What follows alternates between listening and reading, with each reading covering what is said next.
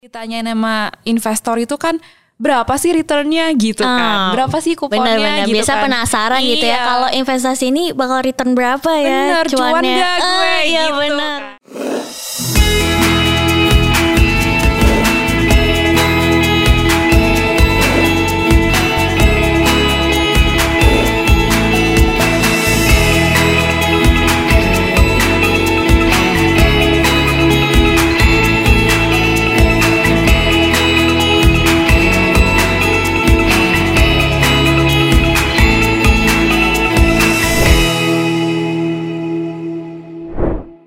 Sobat BNI Sekuritas, kembali lagi di The Invest View bersama saya Octavia di mana kamu bisa bincang-bincang hangat seputar finansial, investasi, dan juga topik-topik terkini.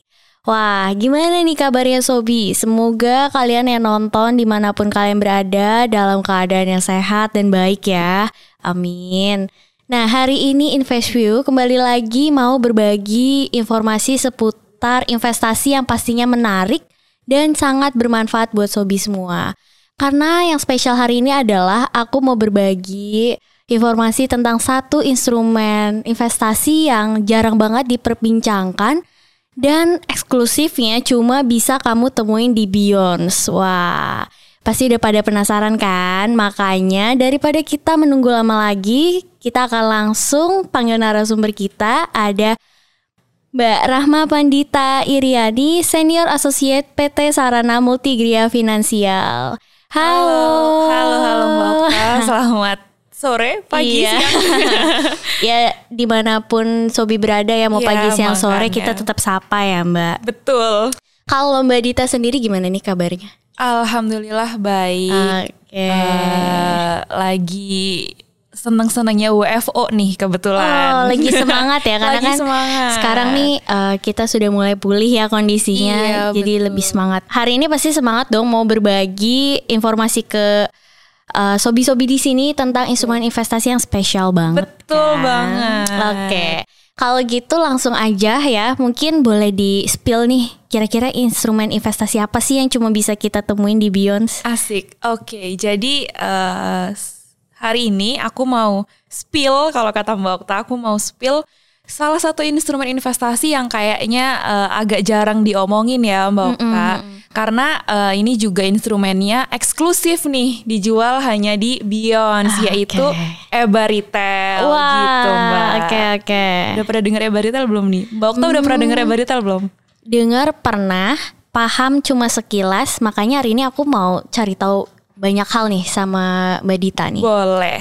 Mau coba-coba tanya apa tentang EBA Oke, Retail kalau nih? gitu deh. Kan sobi semua di sini siapa tahu juga masih penasaran atau baru dengar kali ya, Hah, Eba Retail. Apaan tuh? Mungkin mulai dari awal nih. Eba Oke. Retail itu apa sih sebenarnya? Nah, jadi eh EBA Retail itu mungkin kalau yang baru denger nih instrumen EBA Retail makanan apa nih? Karena kan yang biasa diomongin saham, reksadana gitu ya, Mbak. Nah, ini ada nih EBA Retail. Apa tuh gitu. Nah, sebenarnya EBA itu adalah sebuah singkatan, Mbak Okta. Jadi, singkatan dari efek beragun aset retail. Oke. Nah, efek itu adalah surat hutang, lalu beragun itu berjaminan dan aset. Aset itu adalah sesuatu yang bisa diperjualbelikan gitu. Oke. Jadi eh, sebenarnya kalau ditelaah lagi gitu ya, EBA retail itu gampangnya mirip dengan obligasi. Hmm. Obligasi kan surat utang juga tuh ya. Cuman kalau obligasi itu tidak ada underlying asetnya. Nah, Oh. kalau si EBA retail ini dia punya nih ada jaminannya. Jadi Oke. eh, lebih aman lah gitu sih Mbak. Oh, Oke. Itu eh, singkatannya EBA retail. Oke. Kalau gitu eh, tadi kan udah dijelasin sekilas soal EBA itu apa. Nah sekarang aku mau masuk lebih dalam lagi ya. Kira-kira apa yang memang membuat EBA retail ini berbeda dari instrumen investasi lainnya? Oke, nah eh, kalau gitu aku mungkin jelasin cara kerjanya EBA retail Oh, dulu boleh. gitu ya. Hmm. Jadi eh, EBA retail ini itu sebenarnya sebuah instrumen yang baru dijual ke investor retail tahun 2018 nih Mbak. Oh, Jadi eh, memang oke. tergolong baru di Hmm. investor retail, cuman untuk instrumennya sendiri sudah diterbitkan oleh kita yaitu SMF gitu ya dari tahun 2009 nih. Nah, Oke. kalau misalnya mau diruntut ceritanya dari SMF dulu nih ya. Boleh nih aku kenalin Boleh penerbitnya banget, boleh gitu kan, biar, lebih kenal Heeh, gitu biar kan Sobi ya. juga tahu eh Ebarita SMF apaan sih gitu Iya kan. betul, kebanyakan singkatan biar jelas Heeh. semuanya Boleh gitu kan. banget, silakan Oke. silakan. Jadi penerbitnya si EBA Retail ini yaitu adalah SMF alias PT Sarana Multigria Finansial Persero. Kalau kita SMF itu kemen eh, BUMN tapi di bawah Kementerian Keuangan. Oke. Nah, sebutannya beda nih. Kalau kita sebutannya adalah SMV alias Special Mission Vehicle. Oke. Jadi kita punya tujuan dan misi khusus. Hmm.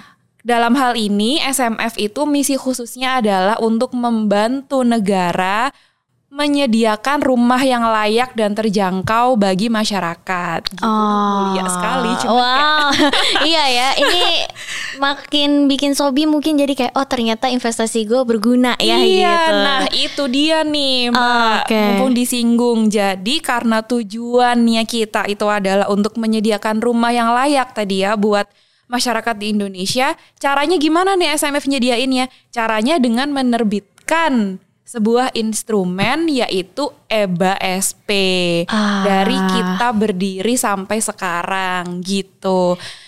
Nah, si EBA SP ini dari awal diterbitkan tahun 2009 nih, Mbak. Itu eh, udah di kita jual, tapi cuman ke Sultan, which is adalah inst- institusi, Oke. bukan investor retail gitu ya. Para sultan-sultan ini cuman ke institusi aja. Ah. Sampai tahun 2018 ada arahan dari Bu Menteri, Bu Sri Mulyani. Ini EBA dijual dong ke investor retail biar masyarakat kita itu eh, tahu nih ada instrumen lain selain saham, obligasi, reksadana, ada EBA gitu. Nah, dari situ kita terbitin, kita retailin lah di tahun 2018. Gitu, Oke. Mbak. Berarti kalau untuk dijual secara retail itu baru ya. Hmm, nah, kalau misalnya instrumen investasi baru pasti orang juga banyak nanyain nih kira-kira eh, apakah investasi ini dijamin negara dan legalitasnya gimana? Itu gimana tuh? Boleh dijelasin nggak? Nah, ini nih, kalau dijamin negaranya karena kita bukan obligasi retail ya dan penerbitnya bukan negara, dalam hal ini adalah Kementerian Keuangan. Jadi eh, kita nih nggak dijamin negara, cuman yang nerbitin EBA retail ini kan SMF nih Mbak. SMF itu BUMN di bawah Kementerian Keuangan. Jadi kita diawasi langsung nih sama Kementerian Keuangan. Jadi kita juga nggak bakal macem-macem dong Oke, sama oke. dana yang dipasrahkan investor Ah, ke ah, kita gitu kan.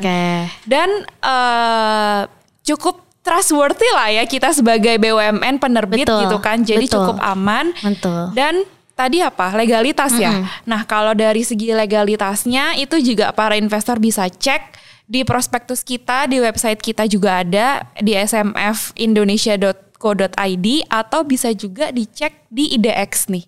Itu semua ada eh, legalitasnya tentang EBA retail di situ. Oke, berarti emang eh, walaupun eh, tadi kan poinnya eh, Mbak Dita bilang nggak dijamin negara secara langsung, tapi ada lembaga yang menaungi dan Iya. lembaganya itu resmi dari pemerintah gitu. Betul kan penerbitnya kita BUMN nih. Betul. Jadi Ha-ha. langsung diawasin sama pemerintah. Oke, Jadi kayak oke. tidak akan macam-macam Aha. gitu. Oke, lebih lanjut lagi. Tadi kan Mbak Dita di awal sempat nyinggung nih kalau eh EBA retail ini sebenarnya mirip-mirip sama obligasi ya surat Betul. utang. Nah, kira-kira ada pemeringkatannya nggak sih sama kayak obligasi kan ada peringkat-peringkatnya tuh. Kalau EBA retail gimana tuh?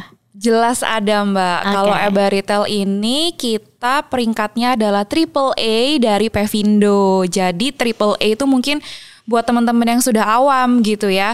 Itu adalah tingkat rating paling tinggi, yang paling bagus, yang paling aman. Jadi memang EBA Retail itu ratingnya triple A dari Pevindo dan selalu kita rating ulang nih setiap tahun, nggak cuman sekali pas terbit di rating gitu enggak tapi setiap tahun kita rating pas pandemi tahun 2020 kemarin juga ratingnya alhamdulillah tetap triple A Oke, gitu. wah ini kalau nggak salah yang triple A ini paling bagus ya. iya betul. Oke. top marko top lah. Iya yang nggak kalau nggak salah tuh yang institusinya nggak pernah gagal bayar. Betul, betul ya, betul, betul. Nah, Kalau misalnya dibandingin sama produk uh, fixed return yang lain kayak uh, obligasi surat utang yang seperti biasa Ya, dan ha, juga uh, deposito itu gimana? Apakah dia membedakan kan sama-sama fixed return nih produknya? Kalau misalnya yang membedakan itu dan yang paling sering ditanyakan ya atau yang Hmm. paling sering ditanyain sama investor itu kan berapa sih returnnya gitu Ah, kan berapa sih kuponnya Bener-bener gitu biasa kan. penasaran gitu ya Iya. kalau investasi ini bakal return berapa ya Bener, cuan gak gue Ah, iya gitu bener, kan. bener. Nah,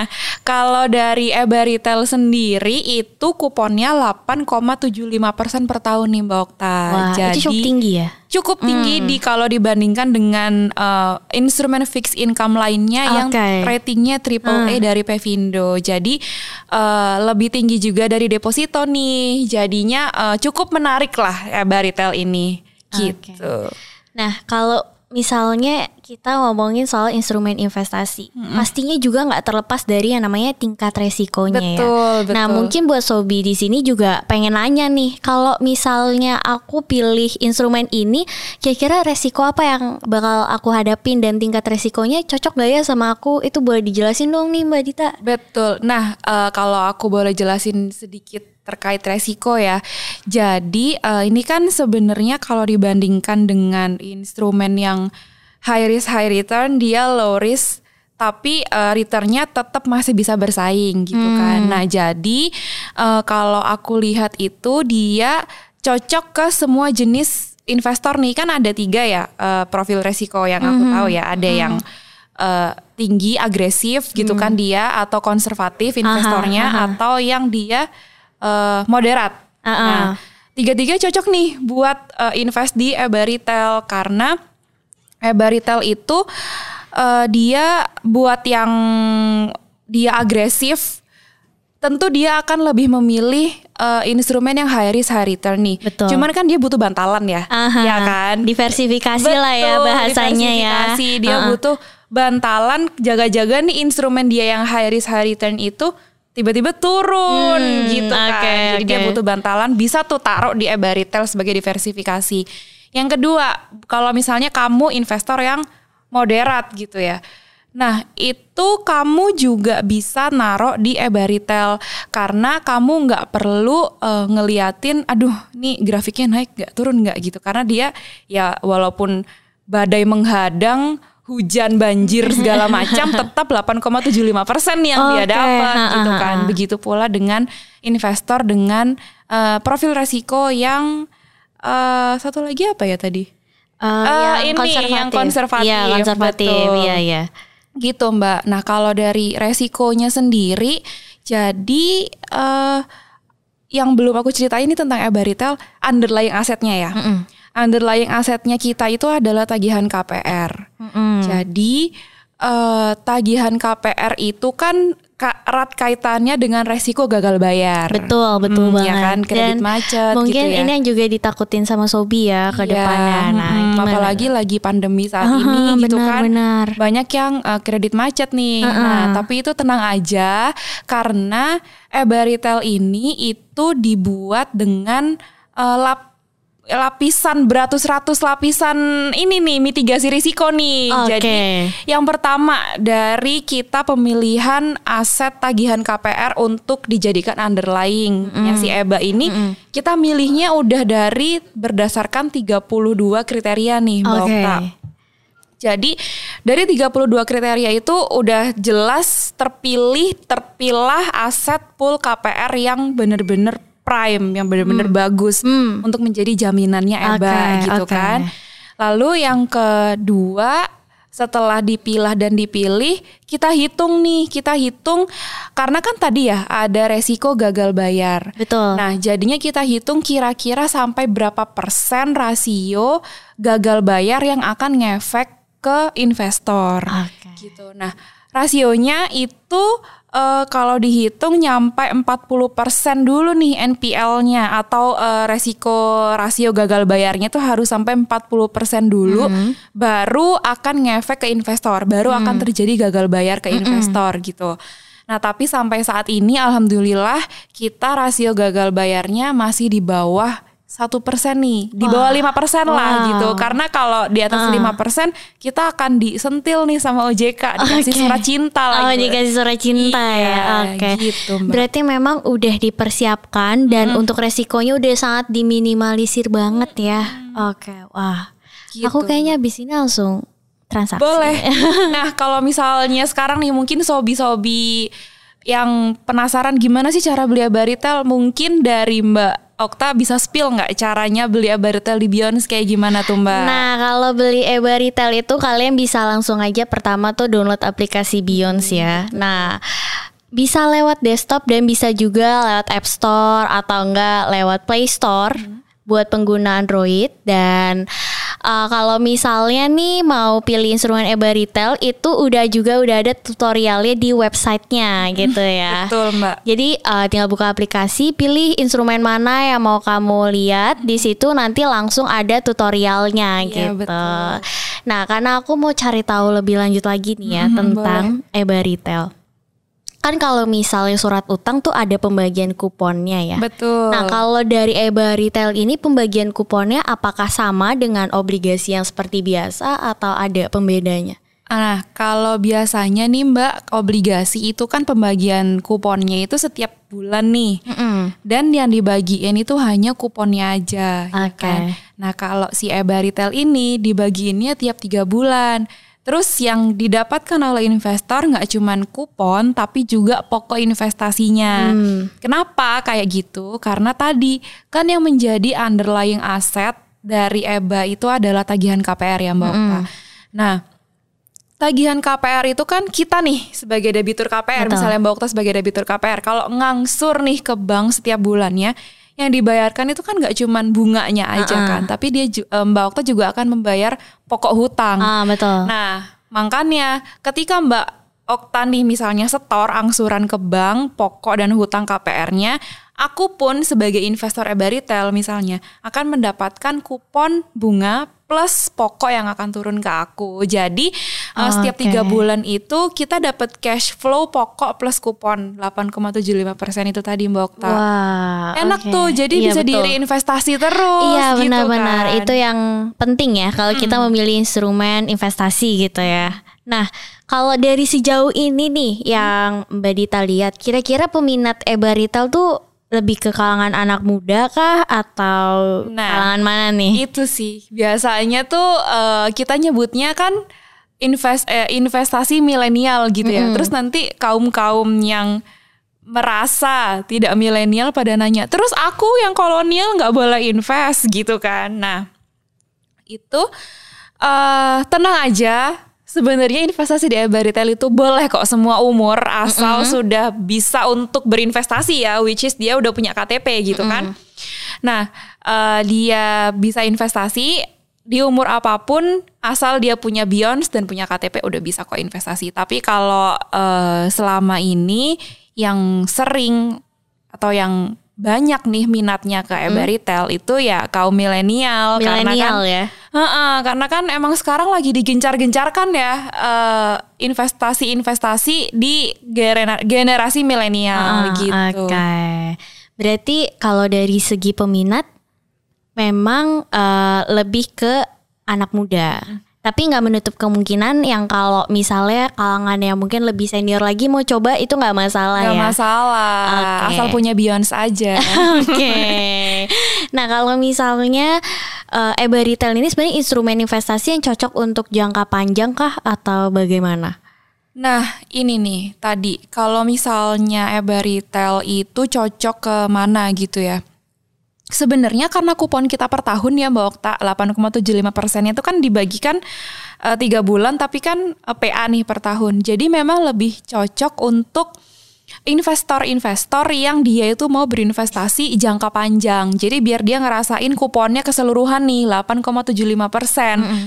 Apalagi kalau investor ini itu sudah memiliki eh, apa ya dana yang diinvestasikan itu ada kegunaannya. Misalnya Oke. nih, aku mau nikah tiga tahun lagi. Nah itu cocok nih buat ditaruh. Ya dari aku taruh di Abaritel aja kuponnya 8,75 berarti tiga tahun lagi kalau gue invest segini gue dapat segini nih gitu Oke, kan. oke, oke. Nah, jadinya eh, oke pas nih sama budget gue nikah taruhlah gitu. Oh, itu lebih cocok ke situ sih. Oh. Cuman kalau misalnya mau sebagai apa ya ibaratnya eh, dana darurat gitu misalnya ya kita nabung di EBA Retail gitu. Nabung kan kalau orang nabung kita bisa tarik kapan aja tuh. Nah itu juga bisa kalau ditaruh di EBA Retail. Kenapa? Karena EBA Retail itu dia sangat liquid sifatnya. Oh, Jadi oke. dia itu bisa dijual kapan aja nih Mbak. Asal di jam bursa ya, jangan tengah malam Iya, gitu. iya. Asal di jam bursa. Oke. Gitu. Jadi misalnya hari ini aku invest nih kayak Baritel terus tahu-tahu minggu depan aduh ternyata eh, aku butuh nih duitnya gitu. Bisa banget Bisa. langsung kita jual e-baritelnya. Oke. Karena ada SMF sebagai standby bayarnya gitu, Waduh, Mbak. Oke oke. Berarti emang itu salah satu kelebihan juga kali ya karena dia liquid ya. Yes, Oke. Nah, kalau untuk aku nih misalnya aku adalah pemula, kira-kira kalau aku pilih instrumen ini untuk first try aku lah di dunia investasi, ada kelebihannya nggak ya atau keuntungan yang mungkin aku bakal dapat? Nah, itu sih. Kalau misalnya orang first try itu kan kita harus eh, apa ya jangan sampai pas first try dia investasi ini mendapatkan bad experience gitu ya. Kalau misalnya eh, investasi di instrumen apa pun itu boleh. Cuman eh, kita harus tahu nih sebenarnya harus tahu tujuan investasi kita itu untuk apa sih sebenarnya. Kita first try buat invest ini untuk emang mau coba memberanikan diri kah atau mau nyoba investasi ah biar nanti buat eh, duitnya bisa buat bayar kuliah atau kayak gitu-gitu Oke, nih. Nah, ha-ha. eh, itu tuh kita harus define dulu tujuannya kayak gimana Ah, sebelum kita oke. investasi ke suatu instrumen. Ah, ah, ah, Setelah itu baru deh eh, kita kenalan nih sama instrumennya. Oh, ternyata EBA retail nih yang paling cocok di aku gitu misalnya. Nah, kelebihannya itu eh, si EBA retail ini itu kan dia fixed income nih, Ah, Mbak. Jadi buat first try yang emang masih awam dengan dunia investasi, masih belum terlalu jago gitu ya buat menganalisis sebuah instrumen Ah, ah. dia bisa nih langsung eh, beli EBA retail. Kenapa? Karena EBA retail itu nggak volatile ya, dia fix kan. Jadi Fixed return, berap- ya. berapapun pokok investasi yang dia taruh di EBA retail nggak akan turun. Ah, Gitu.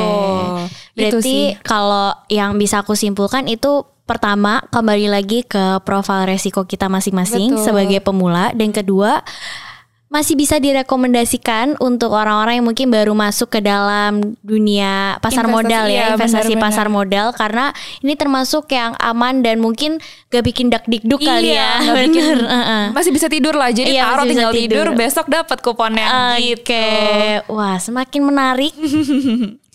Karena semakin menarik juga dan aku kayaknya pengen coba juga nih ya. Aku mau tanya dong kira-kira kalau misalnya aku mau transaksi eh, EBA retail itu ada minimal ininya nggak sih minimal Ada transaksinya? pastinya. Cuman minimal transaksi kita kecil banget nih Mbak. Oh, iya. Makanya tuh aku bilang cocok buat yang first try Oke. karena cukup dengan 100 ribu aja. 100 ribu doang itu kita bisa langsung invest di EBA retail. Jadi nggak perlu modal yang gede-gede nggak perlu nyiapin modal yang banyak Oke, gitu ya 100 ribu ya udahlah nggak ngafe sehari bisa tuh Bisa bisa, invest, iya. gitu. Jadi kayak eh, budget buat ngopi satu minggu ditaruh di EBA EBA retail, retail. iya, biar returnnya makin cuan. biar minggu depan ngopi dua kali lipat. Oke, kalau ngomongin soal cuan, aku jadi pengen tahu juga nih. apa tuh Kira-kira strategi biar aku bisa investasi maksimal di EBA retail uh, biar cuan itu gimana ya? Ada nggak nih? Tolong dong, mungkin sobi di rumah nih juga penasaran nih soalnya nih Mbak Dita. Oke, kalau strategi cuan itu balik lagi ke tujuan investasi masing-masing orang ya. Oke. Kayak tadi tujuan aku mau nyoba doang, ya udah cuan cuan alhamdulillah, nggak cuan jangan sampai gitu ya. Atau Oke. kalau yang eh, bener-bener, eh gue harus cuan 10% nih soalnya gue tahun depan mau nikah, kayak Ah. gimana. Nah itu bisa nih diakalin kayak gini. Karena kita itu eh, fix rate 8,75 persen per tahun dengan pengembalian pokoknya tiga bu eh, pokok plus in- eh, pas plus kuponnya tiga bulan sekali. Nah setiap investor menerima pokok dan bunganya setiap tiga bulan itu kalau dia mau lebih cuan lagi, otomatis kan pokok investasinya harus ditambah nih. Oke. Ya kan? Heeh. Jadi ketika aku nih misalnya aku invest eh, di EBA Retail, terus aku tiga bulan lagi aku dapat kupon plus pokok investasi aku. Nah supaya aku bisa lebih cuan lagi, aku beliin lagi nih EBA Retail. Oke. Jadi ketika aku beliin lagi EBA Retail atau bahasa kerennya tuh reinvestasi di Aha, EBA Retail aha, aha. gitu ya. Itu uh, pokok investasi aku kan akan bertambah. Jadi uh, yang dikalikan dengan 8,75% itu kan juga akan Makin bertambah, besar, uh, iya, makin besar. nominalnya Nah, makin besar. Itulah yang jadi sumber cuan kita kalau Oke. kita setiap tiga bulan reinvestasi Oke. EBA Retail gitu Mbak. Oke, Okta. berarti kuncinya nih ya Sobi adalah reinvestasi ya. Iya, reinvestasi dan istiqomah. Bahasanya apa ya? Eh, konsisten. Ah, konsisten ya pokoknya reinvestasi dan konsisten ya betul. jangan cuma sekali coba dapet cuan udah seneng ya udah deh cukup gitu ya Hmm. oke nah sebelum aku menutup perbincangan kita hari kira-kira ada nggak yang Mbak Dita mau sampai nih ke Sobi Sobi Eh, aduh, udah closing statement aja nggak kerasa ya. iya Eh, yang mau aku sampein ini sih Mbak, kalau di kita mau investasi gitu ya, jangan FOMO. ah ya ini yang biasa anak muda banget nih FOMO betul. ya Aduh, temen aku invest di Retail, aku invest juga ah. Nah, itu tuh yang harus dihindari. Eh, Karena eh, investasi itu kan sifatnya pribadi ya, maksudnya adalah se- harus disesuaikan dengan tujuan kita nih. hmm. Kita investasi tujuannya buat apa sih? Buat belajar kah? Atau buat kuliah? Atau buat nikah? Atau buat pacaran misalnya? Nah, itu disesuaikan tuh. Otomatis kalau kita tahu tujuan kita apa, kita bisa eh, lebih memilih instrumen apa nih yang cocok buat kita. Nggak ha- misalnya nih, oh ternyata baritel nggak cocok nih buat aku, tapi cocoknya misalnya obligasi gitu. Ya boleh silahkan gitu. Tapi nanti ketika dia, oh ternyata obligasi eh, kurang nih cuannya apa coba ke EBA Retail ya boleh silakan. Oke. gitu. Yang penting kita harus tahu tujuan investasi kita itu untuk apa, terus kita bisa mentoleransi resikonya nggak sih? oke Nah itu jadi eh, jangan semen, semen apa sih bahasanya? Jangan mentang-mentang habis Ah. nonton ini Heeh. langsung yaudahlah beli aja langsung EBA Retail tanpa itu cari tahu lebih lanjut Mm, gitu ya langsung, eh, Ah. mending cari tahu dulu nih EBA Retail itu instrumen kayak gimana sih gitu. Nah, cari tahunya bisa ke Beyond atau ke Instagramnya kita nih, Mbak. Oke. Promosi dikit ya. boleh banget boleh banget Promosi dikit. Nah, jadi si EBA Retail itu punya nih, Mbak, Instagram at Inveseries, Inveseries. Nah, di situ tuh kalau misalnya sobi-sobi penasaran tentang EBA Retail lebih lanjut bisa cek ke Inveseries di situ banyak banget informasi yang Ah. kita share tentang EBA Retail sebelum mencoba berinvestasi di EBA Retail. Kayak Oke. gitu. Sobi dicatat ya, jangan cuma dengerin aja, Hmm. tetap pelajarin dan jangan lupa dipraktekin informasi yang udah dibagiin sama Mbak Dita hari ini. Betul.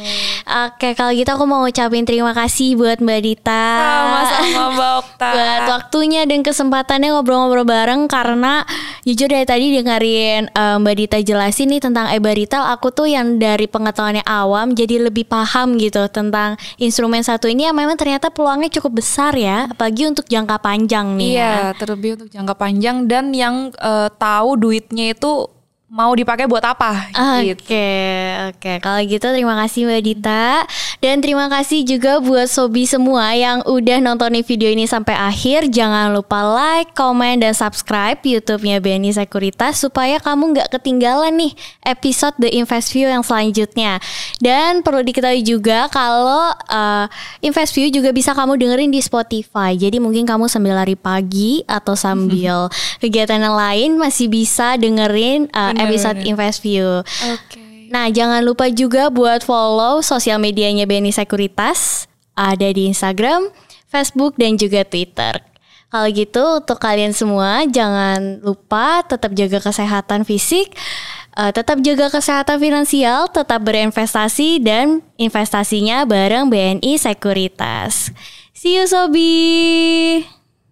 Terima kasih ya Mbak Okta. Terima kasih. Terima kasih Invest View.